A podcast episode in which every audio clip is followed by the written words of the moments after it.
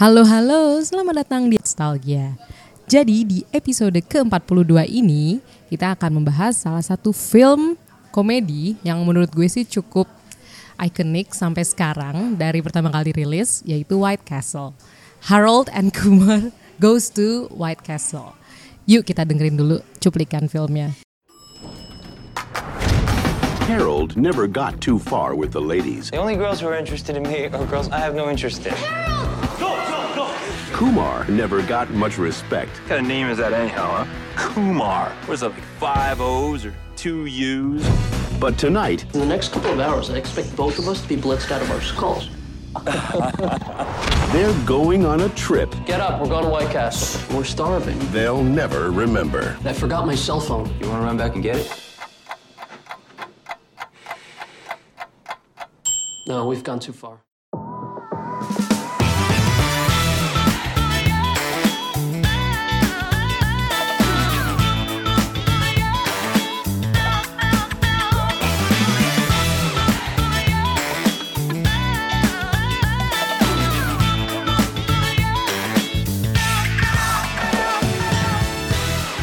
Oke, itu adalah cuplikan film dari Harold and Kumar Goes to White Castle. Sekarang gue sudah ditemani oleh Budi yang memilih film dari Harold and Kumar yang pertama ini karena bagian dari trilogi ya. Ya, Oke, halo Budi. halo.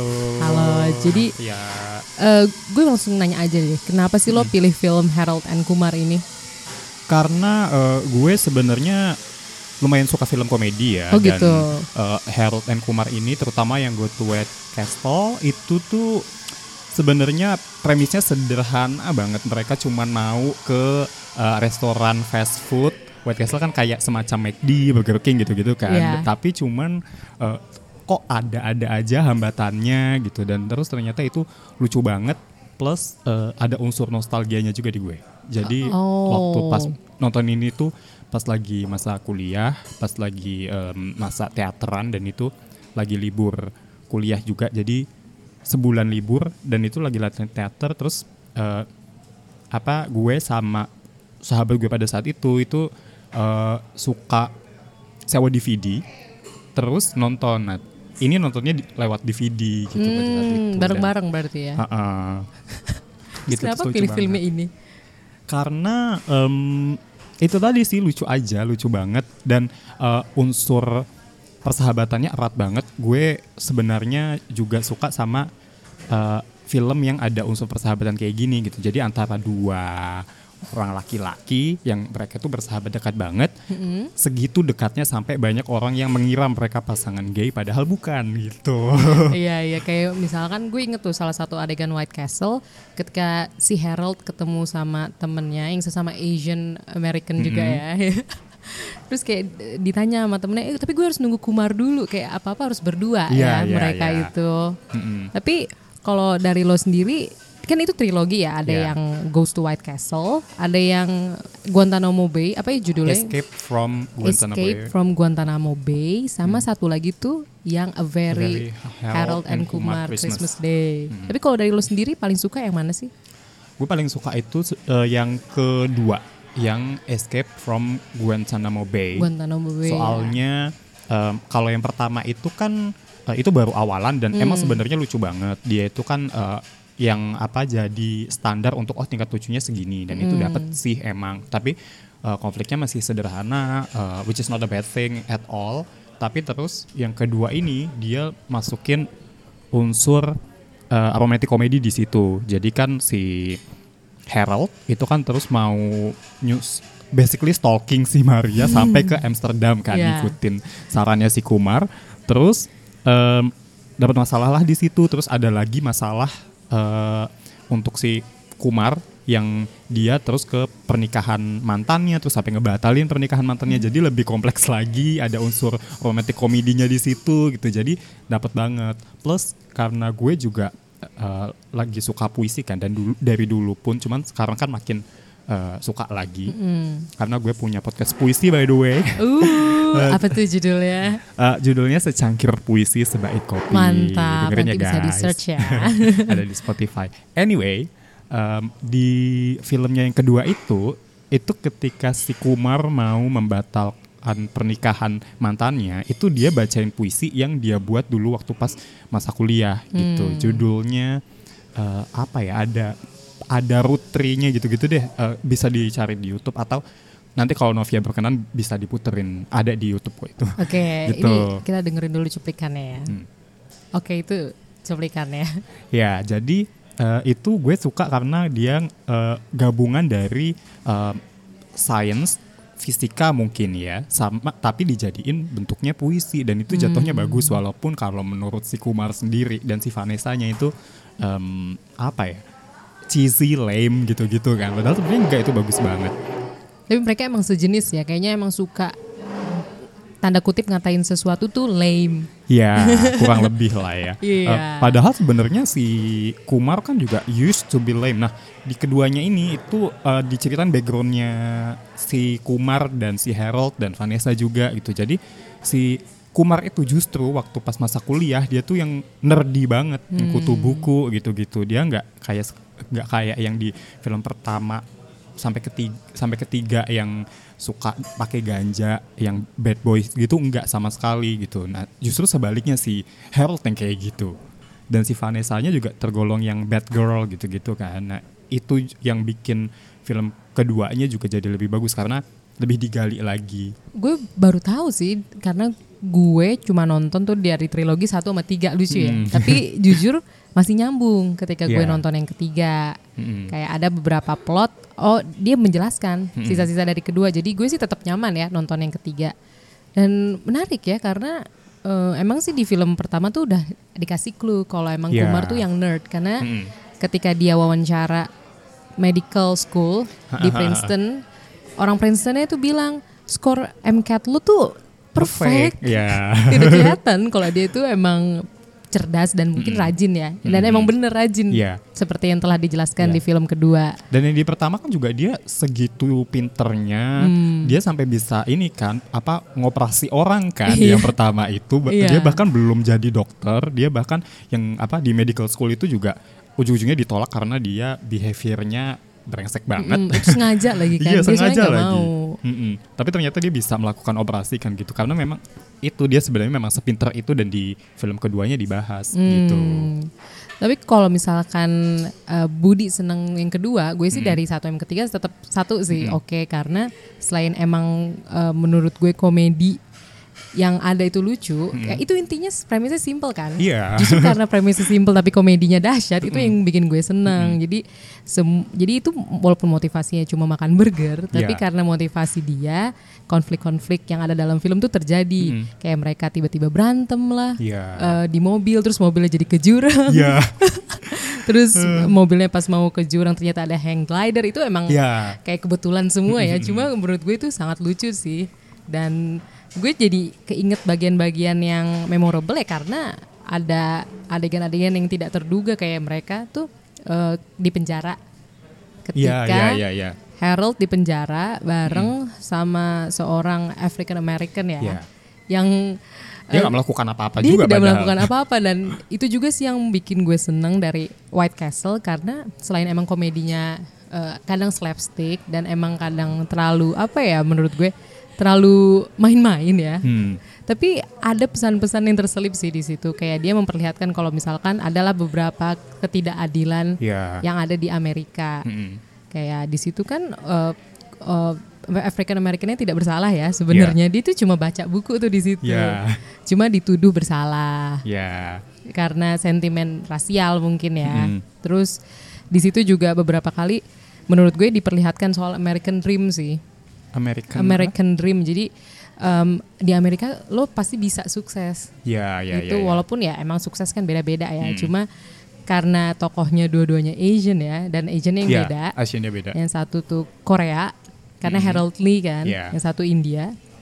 Kumar, jadi persepsi mereka soal American Dream itu ada tapi berbeda. Yang satu mungkin jadi investment banker si Harold Lee. Iya. Karena emang stereotipikalnya Iya, gitu ya. stereotipnya gitu. Stereotipnya dari orang-orang Asian American yang Korea atau Chinese tuh jago angka. Iya. Jadi jadi investment banker yang satu yang satu tuh uh, Kumar jadi dokter karena emang Ya, banyak Ya, ya, ya. uh, imigran dari India yang jadi dokter Hmm. dan gue seneng sih sama pengembarannya di situ. Iya, Karena- emang mereka tuh banyak main ini sih eh, kritik sama eh, stereotip orang-orang minoritas di Amerika gitu kayak atau enggak bahkan nggak usah minoritas deh kayak eh, gue tuh ngerasa film yang pertamanya itu itu juga em, apa ya menyentuh isu eh, toxic masculinity bahwa Betul. kayak dua orang cowok itu bersahabat dekat itu bisa kok dan mereka tidak harus eh, homoseksual gitu loh karena justru malah susah kali ya kalau misalnya dua orang homoseksual saling bersahabat itu Betul, apalagi kan ada juga tuh eh, penggambaran yang sejenis tapi dari sisi Yahudi Goldstein. ya ya ya ya Itu mereka kan juga sangat deket ya. Mm-mm. Dan gue inget tuh mereka tuh lagi nonton film The Gift yang ada Meg Ryan eh pokoknya ada satu aktris terus mereka nungguin iya nungguin adegan, adegan naked kan Iya, itu lucu banget sih menurut gue. Iya, Itu kayak iya. minoritas menertawakan minoritas sendiri sih. Jadi tapi itu light dan Iya. tidak ofensif menurut gue. iya Dan itu makanya yang bikin gue seneng juga sih di film White Castle ini Mm-mm. gitu. dan apa ya itu juga eh, dari eh, jalan ceritanya itu gue juga suka sih karena mereka eh, kayak ribet banget. Kalau mis eh, dari mulai pertama jalan terus apa namanya eh, mau bayar tol terus duitnya ternyata katanya masih kurang terus diterobos aja terus tahu-tahu apa eh, nyari ganja di kampus habis nyari ganja di kampus terus em, apa digigit rakun takut kena rabies jadi ke rumah sakit habis dari rumah sakit ngelihat Maria jadi panik terus jalannya nggak bener terus ketemu sama hippie gitu wah gitu jadi itu sih yang bikin menarik banget eh, White Castle itu sama yang menarik lagi adalah ini relatable juga buat gue dan gue yakin orang-orang yang pernah punya roommate Hmm. Gitu oh lu kan. pernah? pernah Eh, not exactly Not tapi exactly. tapi pernah jadi em, yang tadi gue bilang gue sama sahabat gue itu em, gue itu numpang di kosannya dia selama sebulan gitu kan jadi sedekat itu dan em, basically enggak sih apa ya kurang lebih ada eh, dinamika yang kayak di film White Castle ini. Jadi kayak tengah malam nih terus pengen makan sesuatu dan itu ternyata spesifik harus di sini gitu. Itu ada banget. Jadi kayak bisa relatable. Terus eh, selama sebulan itu juga well, beberapa bulan lah malah itu banyaknya banyak yang mengira kami pasangan homoseksual juga gitu. Padahal Oh, kayak oke. oke eh, yang homoseksual gue doang tapi pada saat itu tuh belum ada yang tahu. Dan em, itu pun juga gue nggak ada rasa yang ke arah sana sama temen gue ini gitu. Jadi em, apa ya yang kayak tadi gue bilang penggambaran eh, toxic masculinity-nya tuh ada bahwa kalau misalnya dua orang laki-laki tuh seolah nggak bisa bersahabat karena dikiranya pasti gay gitu gitu loh jadi gue senengnya di Hmm. Menarik situ sih. Jadi emang secara nggak langsung gue jadi ngeh nih di Hmm. film ini jelas batas bukan batas sih. Adalah platonic relationship. Hmm. Sebuah hubungan pertemanan ya yang sangat deep tapi ya bukan berarti seksual, Iya. bukan berarti romantis, enggak. Dan itu menurut gue oke sih digambarin di sini karena kan biasanya sorry to say tapi kayak film slapstick itu kan banyak banget gay jokesnya Iya. banyak banget eh, lelucon-lelucon yang mendiskreditkan um, LGBT gitu ya. Iya. Cuma kalau di film ini ya emang sih maksudnya tetap ada lah Tetap ada. beberapa tokoh yang asshole gitu ya. Ha-ha. Cuma ya overall secara umum itu itu cuma memperlihatkan kalau beberapa tokoh asshole aja. Iya. Tapi hubungan antara Harold dan Kumarnya memang Hmm. digambarkan dengan eh, dalam, tapi ya itu tadi tidak menyentuh secara seksual dan itu ternyata memang ada gitu Hmm. Iya, loh. dan Di- mereka itu juga- umum kok biasa. Iya, mereka juga nggak nggak feeling offended gitu ketika dibilang eh, ketika mereka dikira kayak eh, ketika mereka dikira pasangan gay. Hmm. Gitu mereka kayak apa terganggu sedikit itu pun lebih ke arah karena em, gue ngerti sih apa yang mereka alami. Jadi kayak yang mengganggu itu teriakan-teriakannya, cara mereka ngomongnya gitu loh seolah-olah eh, oh kalau misalnya eh, dua orang itu bersahabat itu dikira gay and it's bad gitu padahal kan tidak gitu kan jadinya eh, mereka terganggunya karena itu cuman mereka nggak bilang kayak enggak aku nggak gay gitu nggak terus marah-marah tersinggung enggak kayak gitu Iya enggak, Mm-mm. enggak enggak ada. Ya udah mereka terima, terus so Iya. what gitu loh. terus penggambaran bullyingnya juga itu ada banget kan yang apa sih geng-geng preman itu yang ser- yang sering banget ngomong Yang ekstrim sports banget ya. Iya. Extreme, em, kalau gue sih bilangnya extreme sport junkie banget. Iya, dikit-dikit ngomong ekstrim gitu-gitu. Sampai eh, temen gue zaman kuliah itu dia juga setelah nonton eh, White Castle itu dia sering ngomong gitu dikit-dikit kalau ada ya kalau ada yang apa eh, seru gitu dia bilangnya ekstrim gitu-gitu sambil ketawa-tawa kan. Itu lucu banget sih, apalagi Itu ketika mereka ngerusuh di toko kelontong Mm-mm. Yang dimiliki oleh eh, apa orang India ceritanya ya. Iya, iya, iya, iya. Itu jahat banget sih. Itu jahat banget. karena mereka ngerusak properti toko tapi tapi eh, di situ juga bukan tempelan adegan itu karena Iya. di adegan itu kan kita bisa ngelihat kan kalau Kumar tuh masih tetap inget kok sama akar Indianya Iya. karena dia masih bisa ngobrol sama pemilik toko yang orang India juga terus dia juga berani stand up Iya, walaupun tapi habis itu dia takut sih kayak gitu gertak dikit itu akhirnya kalah kan. Iya. Terus habis itu dia mundur gitu aja. gitu. Cuman itu sih bahwa dalam kayak berapa satu setengah atau dua jam film Hmm. itu em, kita bisa ngelihat perkembangan dua karakter ini bahwa dari si em, Kumar yang tadinya nggak bisa stand up untuk dirinya dia sendiri bahwa dia dikerjain sama teman kantornya untuk oh itu ngerjain- si Harold Lee Harold Oh iya si Harold. Ah. Kebalik ya gue. tapi dua-duanya tetap ada perkembangan Iya, sih ya. Cuman sih kalau dalam kasus si Haroldnya ini dia kan tadinya eh, gitu kan disuruh ngerjain mm, tugas kantor punya temennya bahkan bukan punya dia dan dia nggak bilang nggak protes gitu kan. Terus ketika dia dan Kumar itu dibully sama geng ekstrim tanda kutip itu juga dia diem aja tapi di akhir film dia akhirnya sampai em, menjelang akhir dia nyolong mobil si eh, orang-orang pembuli itu terus eh, di paling endingnya lagi eh, ketika dia ngeli- ngelihat temen kantornya itu ada juga di White Castle terus dia kayak apa namanya gue nggak mau ngerjain punya lo lu kerjain aja sendiri kerjaan lo gitu gitu kan. Dia jadi stand up gitu jadi bisa ngelaw fight back gitu karena memang dia orangnya bener di sini gitu kan. Ja- jadi ada banget perkembangannya. Sama gitu. kayak Kumar juga kan di awal tuh kayak dia nggak mau jadi dokter. Mm-mm. karena tapi setelah filmnya berjalan kita jadi tahu alasannya karena dia nggak mau jatuh ke stereotip orang India yang Ya. hampir pasti jadi dokter gitu loh kayak pasti pinter dan pasti jadi dokter jadi lawyer mungkin ya enggak sih tapi kalau India dokter sih stereotipnya dokter ya. ya. karena Mm-mm. karena bapak sama kakaknya juga di situ kan jadi dokter Mm-mm. ya dan tapi kan pada akhirnya di ending film dia bilang gue mau coba ah interview Mm-mm. jadi apa ikut medical school Iya. walaupun ya di dua film selanjutnya kita bisa tahu Iya, makanya sampai di Guan tidak, di lanjut. apa Escape from Guantanamo Bay, Guantanamo Bay, susah ngomongnya. Dari pas yang di film Escape from Guantanamo Bay itu eh, dia pun tetap gak ngambil tes itu pada akhirnya dan em, apa terus eh, ngomongin film yang kedua itu juga eh, stereotipnya lebih di dalemin lagi. Jadi kayak em, di situ orang kulit putihnya super rasis tapi rasisnya tuh sampai begonya kebangetan. sampai sebenarnya nggak masuk akal kok.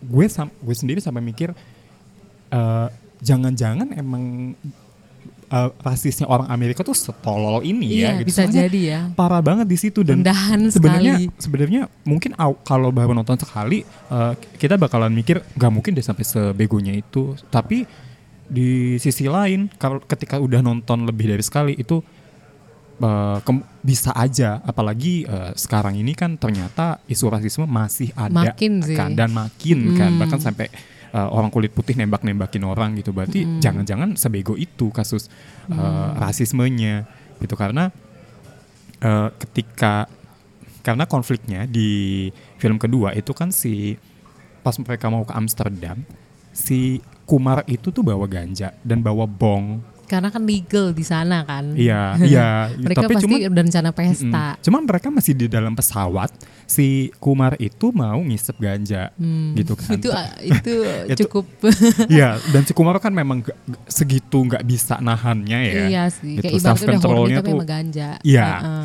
Iya, bener banget. Self controlnya tuh parah banget kan. Terus dia eh, ke toilet mau ngisep ganja, terus kan di situ ada seorang nenek tua kulit putih itu dia karena lihat tampangnya si Kumar itu Asia Selatan Asia Barat Kayak banget ibaratnya sorry ya, tapi lekat lah sama Mm-mm. cap mungkin cap teroris ya. Iya, nah itu dia. Terus dikiranya dia itu eh, dia itu salah satu teroris juga gitu kan. Nah, terus ketika dia mau ngisep ganja em, di toilet itu kan pintu toiletnya kebuka. Nah si nenek-nenek ini ngelihat dia gitu dan itu kan dia eh, pakai korek kan, terus langsung teriak gitu kan teroris gitu. Terus eh, pada nengok lah gitu. Iya, iya, terus iya. eh, si neneknya bilang dia mau nyalain bom gitu. Terus si eh, Kumarnya bilang it's not a bomb, it's a bong gitu kan. It's just a- Itu- uh, it's itu- just enggak oh enggak enggak dia bilang gini. Itu pannya Belum- lucu sih. Iya, belum ada yang banget. belum ada yang bilang bom bahkan sih. Hmm. Kumar tahu-tahu bilang uh, it's just a bong gitu. Terus ada yang salah denger. Hmm, It's a bomb gitu. Tuh pada balik semua ternyata ada semacam intel di sana terus ditangkaplah gitu. Dan ketika em, apa di terus mereka ditangkap terus diinterogasi mereka tuh dicurigain ba- bahwa si Kumar ini dari Korea Utara. Terus si si Harold ya Harold tuh dikira dari Korea Utara terus si Kumar ini dikiranya dari eh, Arab gitu, atau yang- Afghanistan iya, gitu gitulah iya, yang negara teroris gitu. Dan dikiranya mereka berdua kerjasama untuk jadi teroris di Amerika Aduh. segitunya banget Iya, konfliknya iya, lebih iya. dalam lagi gitu-gitu Oh, kan Itu kompleks banget Kom- sih ya. kompleks Iya, iya, iya. kalau diceritain sih terkesannya kompleks ya tapi kalau ditonton itu gak juga Sebenarnya light ya. Mm-mm, dan tetap, dan fun. tetap light dan fun Uh, also stupid karena orang kulit putihnya segitu stupidnya banget Hmm. digambarkan itu ya bodoh ya di Mm-mm. situ ya dan ya itu emang tadi yang lo bilang juga nggak sih emang di film ini trilogi ya Hmm. emang kritik ke kritik rasialnya tuh banyak. Kritik rasialnya banyak. Uh, dan menurut gue oke kok karena semuanya kena. Karena semuanya, kena, semuanya kena. itu yang bikin gue seneng sih fun buat nonton. Karena ketika tadi kan Harold Lee di awal tuh nggak bisa stand up ya Ya. kan? Sama kerjaannya sama posisi dia di kerjaan yang Hmm. emang Asian banget. Karena Asian tuh jago kerja Ya. stereotipnya. Tapi buat ngomong susah. Iya iya iya iya. jadi makanya em, kita lihat ya dia tidak berdaya kan itu kan kayak kritik juga kan Ya. sekaligus memperlihatkan terus kayak si Kumar itu tekanan keluarganya masih kuat Mm-mm. karena kakaknya sendiri kan yang kompor lo udah umur 22 tahun mau jadi apa kalau misalkan Ya. uh, malah main-main sampai sekarang itu menurut gue so Asian juga dan Ya. mungkin nggak sedikit juga dari migran India ya yang merasakan apa yang dirasakan sama Kumar juga dan mungkin ya, ya Asian lah pada Ya. umumnya itu bisa ngerasain dan itu menurut gue sangat oke sih Mm-mm. dan yang eh, bahkan yang Hispanic di yang ketiga kan em, karena Maria itu kan Hispanic Ya. ya. Terus ada bapaknya datang. Itu menurut gue juga joke eh, Hispanicnya juga kuat karena bapaknya itu nggak suka banget sama Harold kelihatannya Ya. kan. Karena ada backgroundnya kan bahwa em, eh, siapa bahwa berarti nen berarti neneknya si Maria ya karena kan eh, nyokap dari bokapnya Maria. Hmm. Dulu- dulu kan em, dibunuh sama geng Korea gitu anggota geng Korea di sana waktu pas mau Natalan Hmm. Iya, gitu. Jadi- iya jadinya dia punya stereotip eh, apa bahwa orang Asia itu Korea apalagi itu tuh orang-orangnya ya jahat gitu gitu. Jadinya kurang suka juga sama si eh, Harold, Harold, gitu. Iya iya. Tapi kalau lo pribadi dari eh, ketiga film atau mungkin White Castle sih, eh, in particular, maksudnya secara khusus, lo paling suka adegan apa sih yang bikin lo inget? Kalau di Menarik gitu buat White lo. Castle tuh oh ini sih kayak dua apa ya? Kayaknya ada dua. Pokoknya dan itu kejadiannya sama, yaitu ketika si em, Kumar itu digodain sama cowok. Jadi waktu pas dia eh, pipis di semak-semak kan, tiba-tiba ada strangers dateng gitu. Padahal ya namanya di semak-semak kan semak ini ya eh, luas ya, jadi bisa lu bisa bisa pipis di semak-semak lain yang nggak ada orang. Yang gitu. penting Nah, ketutup ya. Iya, nah ini ada si si Kumar lagi pipis di situ terus tiba-tiba ada stranger pipis di sebelahnya terus ngomentar tentang uh, Piup. apa tentang pubesnya juga gitu terus habis itu yang di rumah sakit yang si apa um, Kumar itu lagi ngoperasi pasien Terus eh, si Ryan Reynolds di situ kan jadi salah satu tim di sana. Iya. Terus eh, ngusapin apa keringetnya si Kumar sampai ngusapin bibirnya segala gitu-gitu kan. Iya, iya, Itu iya, iya, sama eh, adegan yang masih sama sa- dari si Ryan Reynolds juga yang pas dia eh, dimintain ganja sama si Kumar gitu. Ada medical marijuana nggak gitu. Terus dia marijuana, but why? Nah, but why-nya itu yang pas dia sambil buka maskernya itu, itu kan ikonik banget sampai jadi meme sekarang Iya. gitu. Jadi kalau ada eh, di internet, terutama di 9gag lah yang sering nyebar meme, itu ada yang aneh-aneh. Itu netizen tuh sering ada yang komen Pak Jif but why gitu. Nah, but why-nya itu tuh dari adegan di film itu gitu. Itu Ini ya, termasuk ikonik sih itu. Mm-mm. Jadi yang apa namanya? eh, mungkin bertanya-tanya itu dari adegan film apa? Ya dari film Harold and Kumar White Castle itu. Iya. gitu. Terus kalau yang eh, di kedua itu yang tadi udah gue ceritain di mana sih?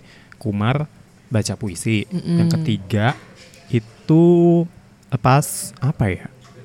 Agak lupa ya tapi kalau di situ ya. Hmm. karena mungkin seru tapi bagi adegan komediknya yang benar-benar memorable Iya. tuh nggak banyak mungkin Iya dan gue sih lebih apa ya lebih mengingat kesannya kalau di Hmm. yang ketiga karena eh, buat gue yang paling bagus itu yang kedua tapi yang paling berkesan itu yang ketiga walaupun sebenarnya menurut gue eh, dari segi cerita yang ketiga itu yang paling jelek Hmm. sebenarnya ya paling karena drama nggak sih itu jatuhnya karena kan paling eh, drama tetap yang kedua Oh, sih. tetap yang kedua. Eh, eh, cuman yang ketiga itu karena dia mungkin pada saat itu kan tahun 2011 ya filmnya 2010 2011 Ya, Mm-mm. nah itu mungkin eh, 3D movie tuh lagi agak naik daun mungkin. Jadi Betul. mereka terlalu maksain 3D sampai ada yang apa adegan mereka tuh kayak em, Lagi high berantem, banget. oh iya. Enggak yang mereka lagi high banget Oh. karena ga- ganja atau apalah yang minuman yang dicampur sama adik itu.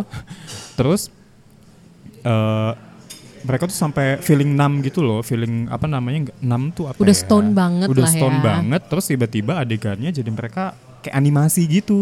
Nah animasinya itu menurut gua agak maksa. ganggu Gitu-gitu. ya Ganggu sih pas banget. nonton.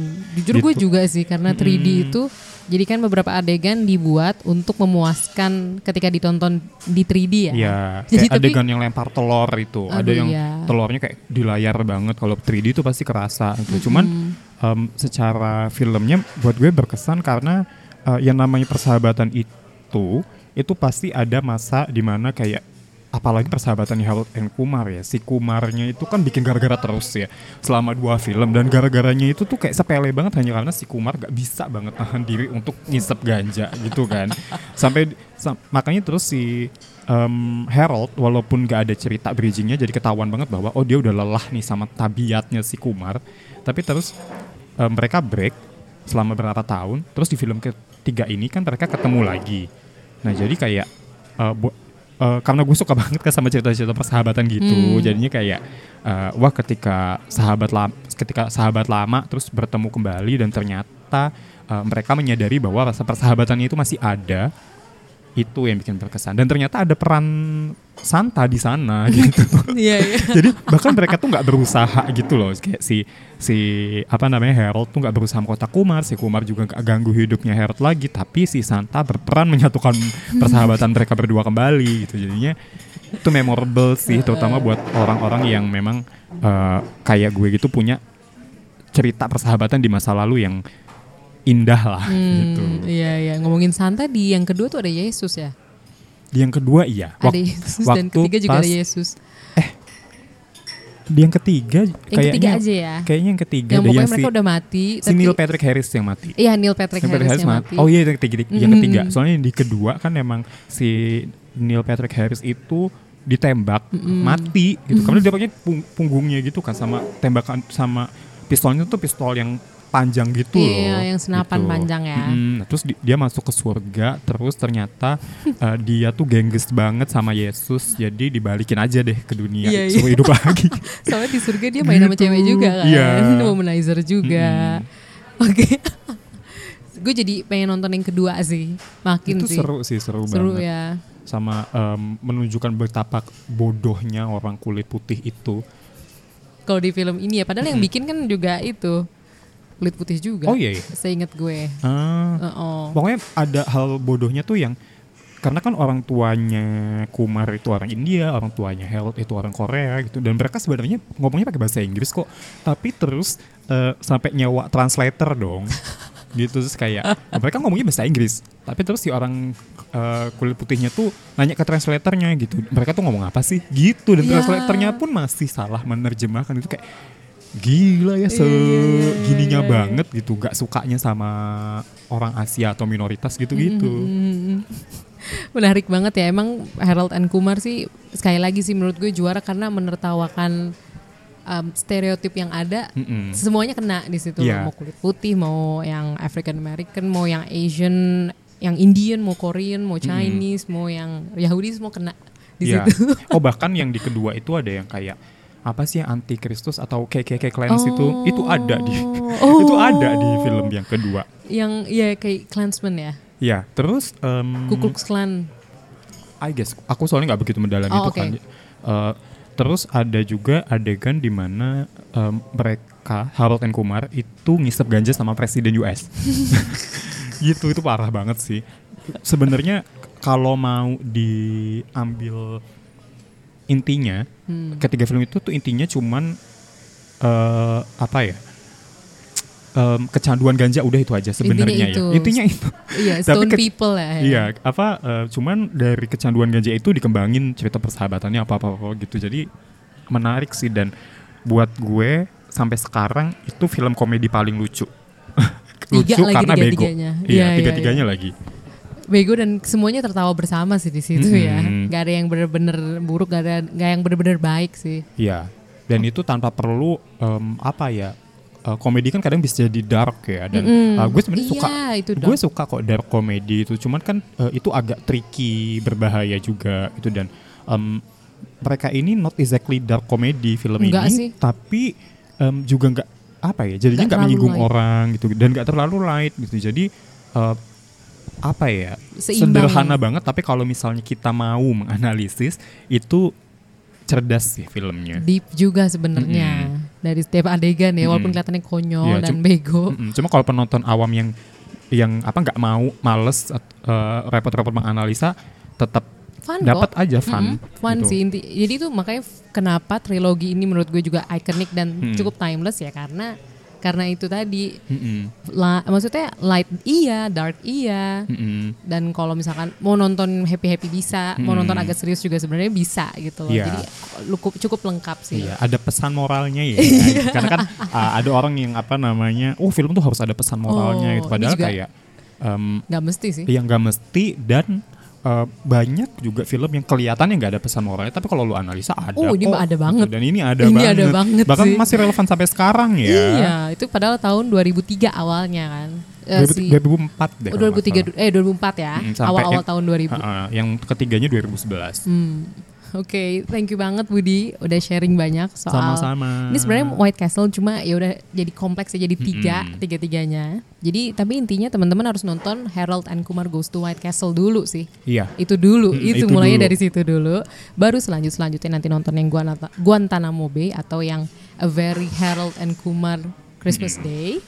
Terus eh, buat teman-teman yang ingin kontak Budi atau pengen dengerin podcastnya Budi, Budi bisa ditemui di mana Budi? Ada di Instagram gue at Budski B U D S K I Y. Hmm. Terus eh, podcast gue ada secangkir puisi sebait kopi. Mantap. Jangan kebalik ya, kan itu se- justru sengaja gue balik. Secangkir puisi sebait kopi ada di Spotify. Update-nya setiap hari Rabu. Mantap. Buat teman-teman yang senang puisi atau pengen apa ibaratnya pengen meditasi itu cukup meditatif juga sih kayaknya. Mm-mm. Atau enggak ya buat eh, melepas lelah lah. Iya, gitu. coba dengerin podcastnya Budi, Secangkir Puisi, Sebait kopi. Sebait Kopi. Itu apalagi top 10 terus loh di Spotify. Hmm, Hmm, di, Spotify yang arts, ya, and yang arts and entertainment. Jadi pas buka arts and entertainment biasanya langsung ketemu podcastnya Budi. Iya, iya, iya. Alhamdulillah ya. Alhamdulillah. Kalau oh by the way, kalau mau nyumbang suaranya untuk eh, podcast gue itu juga bisa atau mau nyumbang puisinya dalam bentuk tertulis nanti gue bacain itu juga menerima banget. Oh iya banget sih. Nanti Hmm. tunggu aja. Eh, Budi nanti pasti bakal mention emailnya juga ya atau Iya. langsung aja mention Budi di Bootski Mm-mm. buat teman-teman yang sangat tertarik sama puisi atau pengen ngasih puisinya ke Budi atau ingin nge apa ibaratnya tuh kalau puisi tuh istilahnya me- melisankan bukan ya? Membacakan. membacakan puisinya bisa langsung mention Budi. Oke, untuk teman-teman yang eh, ingin kasih kritik atau saran buat Podstalgia bisa langsung mention di Twitter atau Instagram di @podstalgia atau email di podstalgia@gmail.com. Oke, terima kasih Budi. Sama-sama. Sekali lagi. Dan terima kasih teman-teman Podstalgia yang sudah mendengarkan hingga titik ini dan sampai jumpa di episode selanjutnya. Bye bye. Bye-bye.